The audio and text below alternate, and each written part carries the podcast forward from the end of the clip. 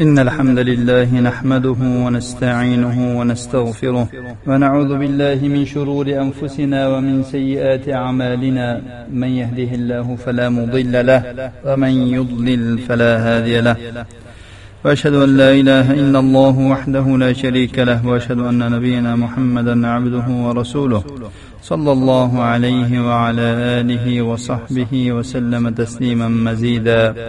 أما بعد قال المصنف حفظه الله باب تهذير النساء من إظهار الزينة للرجال الأجانب من الذهب والثياب ونحوها musannif hafizahulloh dedilar ayollarni begona erkaklarga tilla va kiyimlaridan iborat ziynatlarini ko'rsatishlaridan ogohlantirish haqidagi bob عن ابي هريره رضي الله عنه عن النبي صلى الله عليه وسلم قال ويل للنساء من الاحمرين الذهب والمعصفر abu hurayra roziyallohu anhudan rivoyat qilinadi nabiy sollallohu alayhi vasallam dedilar ayollarga ikki qizil tilla va masxarga bo'yalgan kiyimlardan hollariga voylar bo'lsin bu hadisni ibn hibbon sahihlarda rivoyat qilganlar bayhaqiy shobil iymonda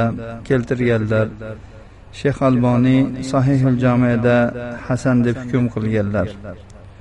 Shoibul arnout ham ushbu hadisni isnodini hasan deganlar. Shariat ayollar uchun o'z erlariga ziynatlanishga ruxsat berdi balki ularni bu narsaga targ'ib qildi. Ular uchun erkaklarga harom qilingan tilloni halol qildi. Shuningdek ularga erkaklar man qilingan ipak va masxarga bo'lgan kiyimlarni kiyishlikka ruxsat berdi. Chunki bu narsada er xotin o'rtasida muhabbat va inoqlik paydo bo'ladi. Ushbu qalblarni yaratgan zot alloh subhanahu va taolo bu qalblar bir biriga qanday ulfat bo'lishini yaxshi biladi.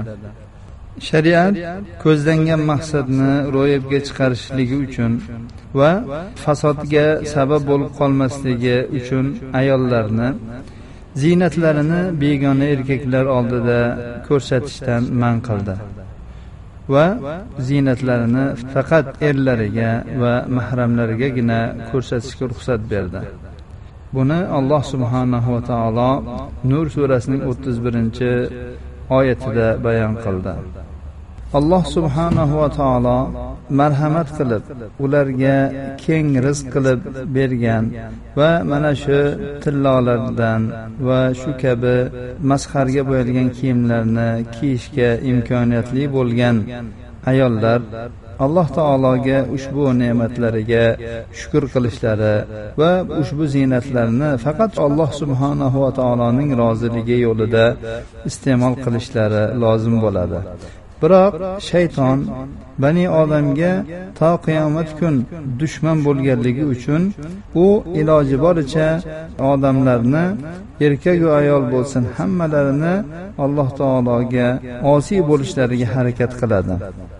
Shuning uchun ham rasululloh sollallohu alayhi vasallam hoy havaslar va xohishlar orqasidan ketib qolib ziynatlarni begona erkaklar oldida ochib qo'yishligidan ogohlantirdilar.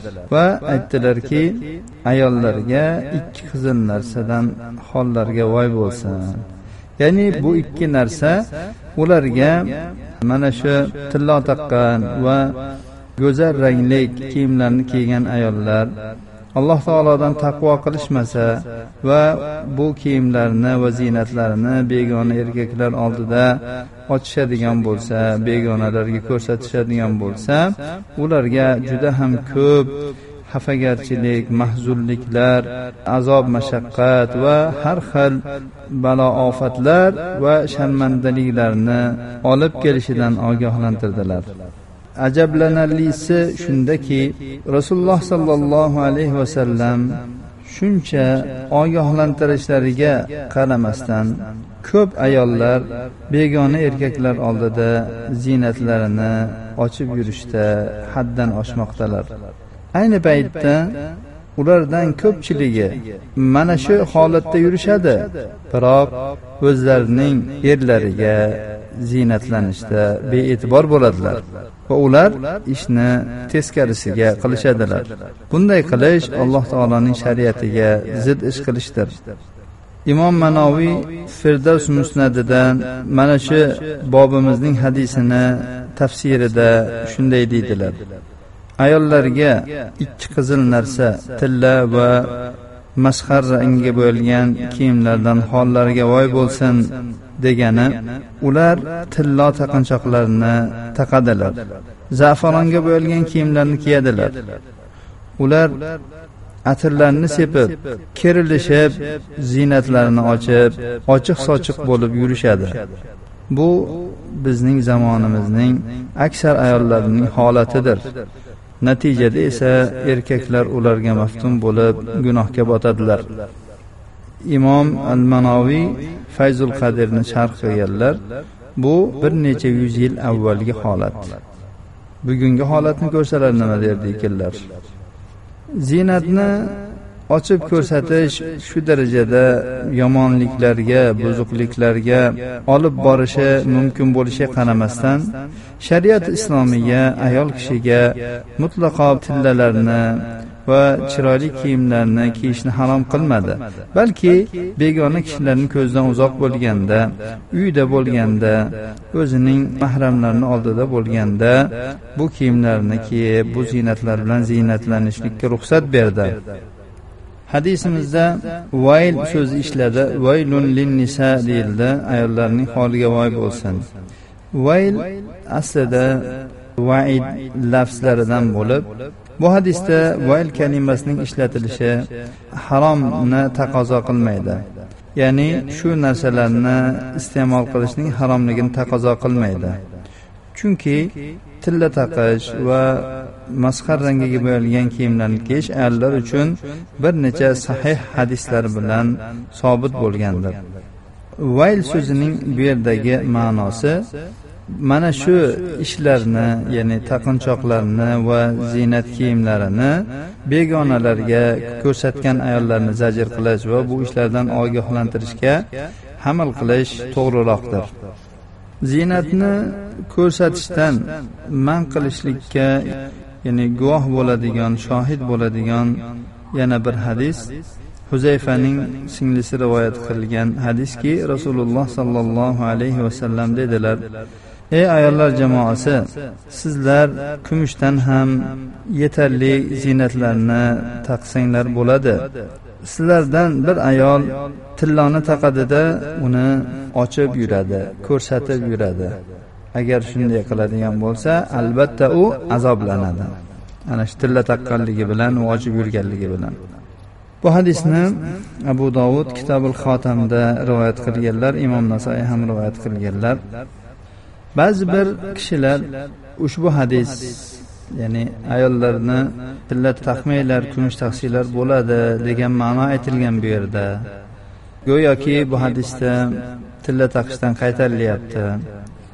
Rasululloh sollallohu alayhi vasallamning ipak kiyish va tilla taqish ummatimning erkaklariga harom qilindi ayollarga halol qilindi hadisi bilan mansux bo'lgan ya'ni buning hukmi bekor bo'lgan.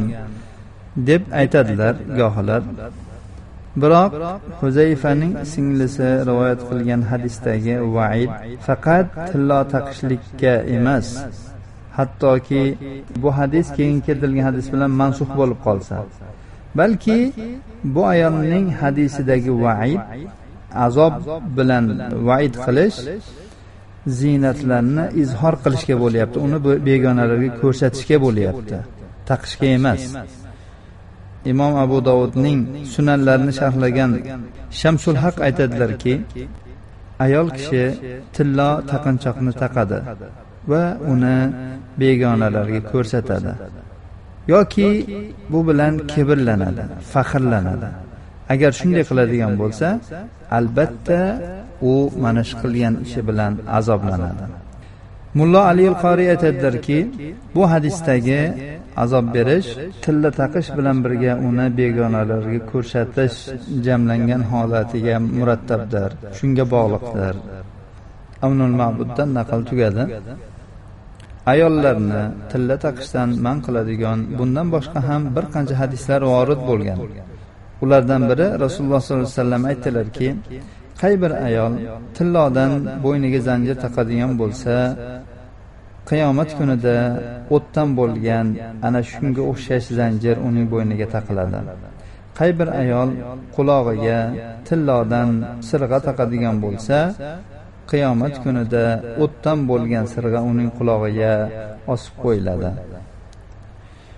Boshqa bir hadisda rasululloh sollallohu alayhi vasallam qizini yetalab kelgan bir ayolga aytdilarki u qizchaning qo'lida ikkita qalin tillodan bo'lgan bilaguzuk bor edi.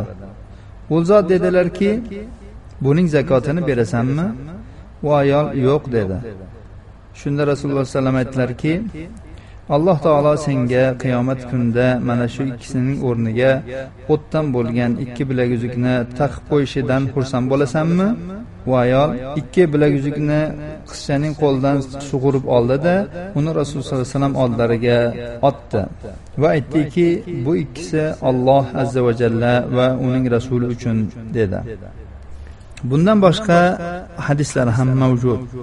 Imom munziriy rahimaulloh dedilar ayollarning tillo taqinchoq taqishlariga azob va idlari kelgan bu kabi hadislar bir necha vajhga dalolat qiladi. Birinchisi bu hadislar mansux ya'ni bekor qilingan. Ayollarning tilla taqishlariga bo'lgan ruxsat sobit bo'lgan. Ikkinchisi bu hadis zakotini o'tamaydigan ayollarning haqqida. Zakotni o'taydiganlar unday emaslar. Uchinchisi bu hadislar mana shu tilla taqinchoqlar bilan ziynatlanib uni begonalarga ko'rsatgan ayollar haqida. Bu ma'noga huzayfaning singlisini hadisi ham dalolat qiladi. Hozirgina biz bu hadisni aytib o'tdik ibnul qayyim sunan abu davuddagi tillo kiygan ayollarga vaid kelgan hadislar haqida shunday dedilar. Ulamolar ushbu hadislarda ixtilof qilishgan va bu hadislar ularga biroz mushkul bo'lgan. Ba'zi bir kishilar bu hadislarni zaif deganlar. Boshqalari esa bu ishlar islomning avvalida bo'lgan so'ngra esa mansux bo'lgan deganlar. Yana bir toifa kishilar aytganlarki vaid hadislari taqinchoqlarning zakotini bermagan ayollargadir. yana bir toifa ahli hadislar aytganlarki vaid hadislari taqinchoqni taqib begonalarga ularni ko'rsatib va begonalar oldida ochiq sochiq ziynatlanib yurganlargadir. ammo faqat erlari uchun ziynatlangan ayollar bundan mustasno deganlar imom nasoiy sunanlarida mana shunday bobga tarjima qo'yganlar.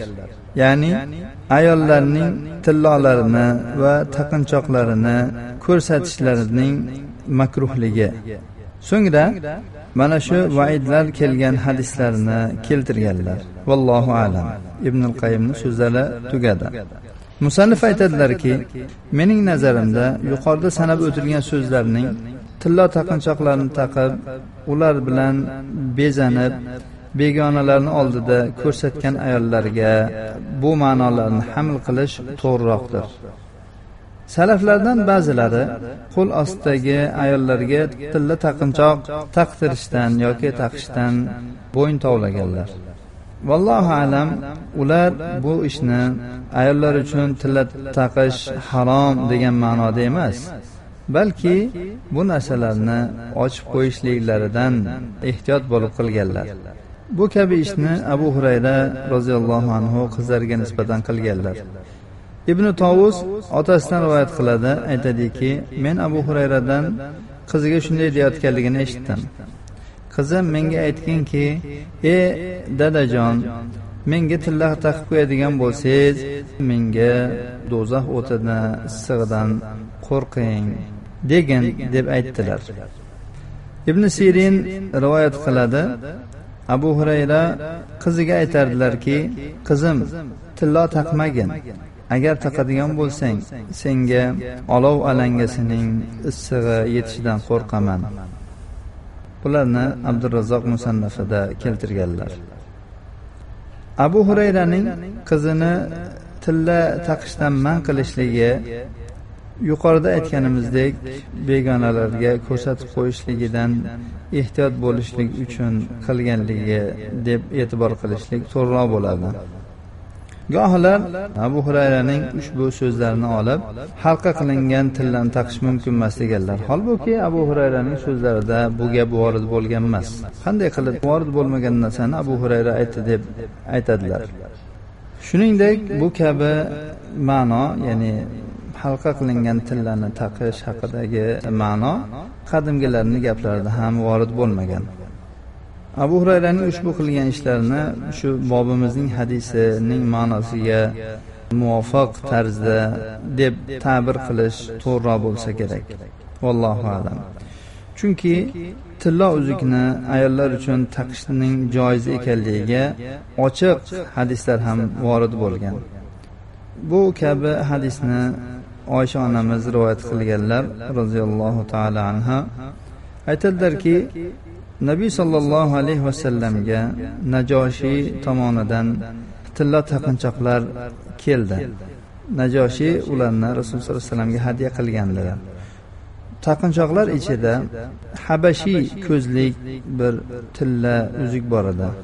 Rasululloh sollallohu alayhi vasallam undan yuz o'girganlari uchun cho'p bilan yoki barmoqlarini uchida uni ushladilarda so'ngra umoma bint abil as ya'ni zaynab qizlarining qizini chaqirdilar va ey qizcham mana buni taqib olgin dedilar. Bugungi hadisimiz dalolat qilgan foyda va ahkomlar. Birinchisi ayollar ziynatni bo'lib ham tilla va rang barang kiyimlarni yaxshi ko'radilar.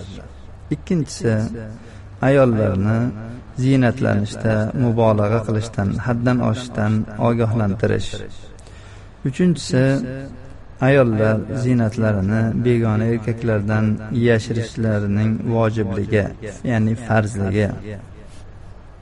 To'rtinchisi vayl so'zi doim ham haromni taqozo qilavermaydi. beshinchisi valiylar ya'ni ayollarni ustidan mas'ul bo'lgan kishilar otalari erlari akalari yoki hokim ayollarning ziynatlarini oshkor qilishdan man qilishligi lozim bo'ladi سبحانك اللهم وبحمدك أشهد أن لا إله إلا أنت أستغفرك وأتوب إليك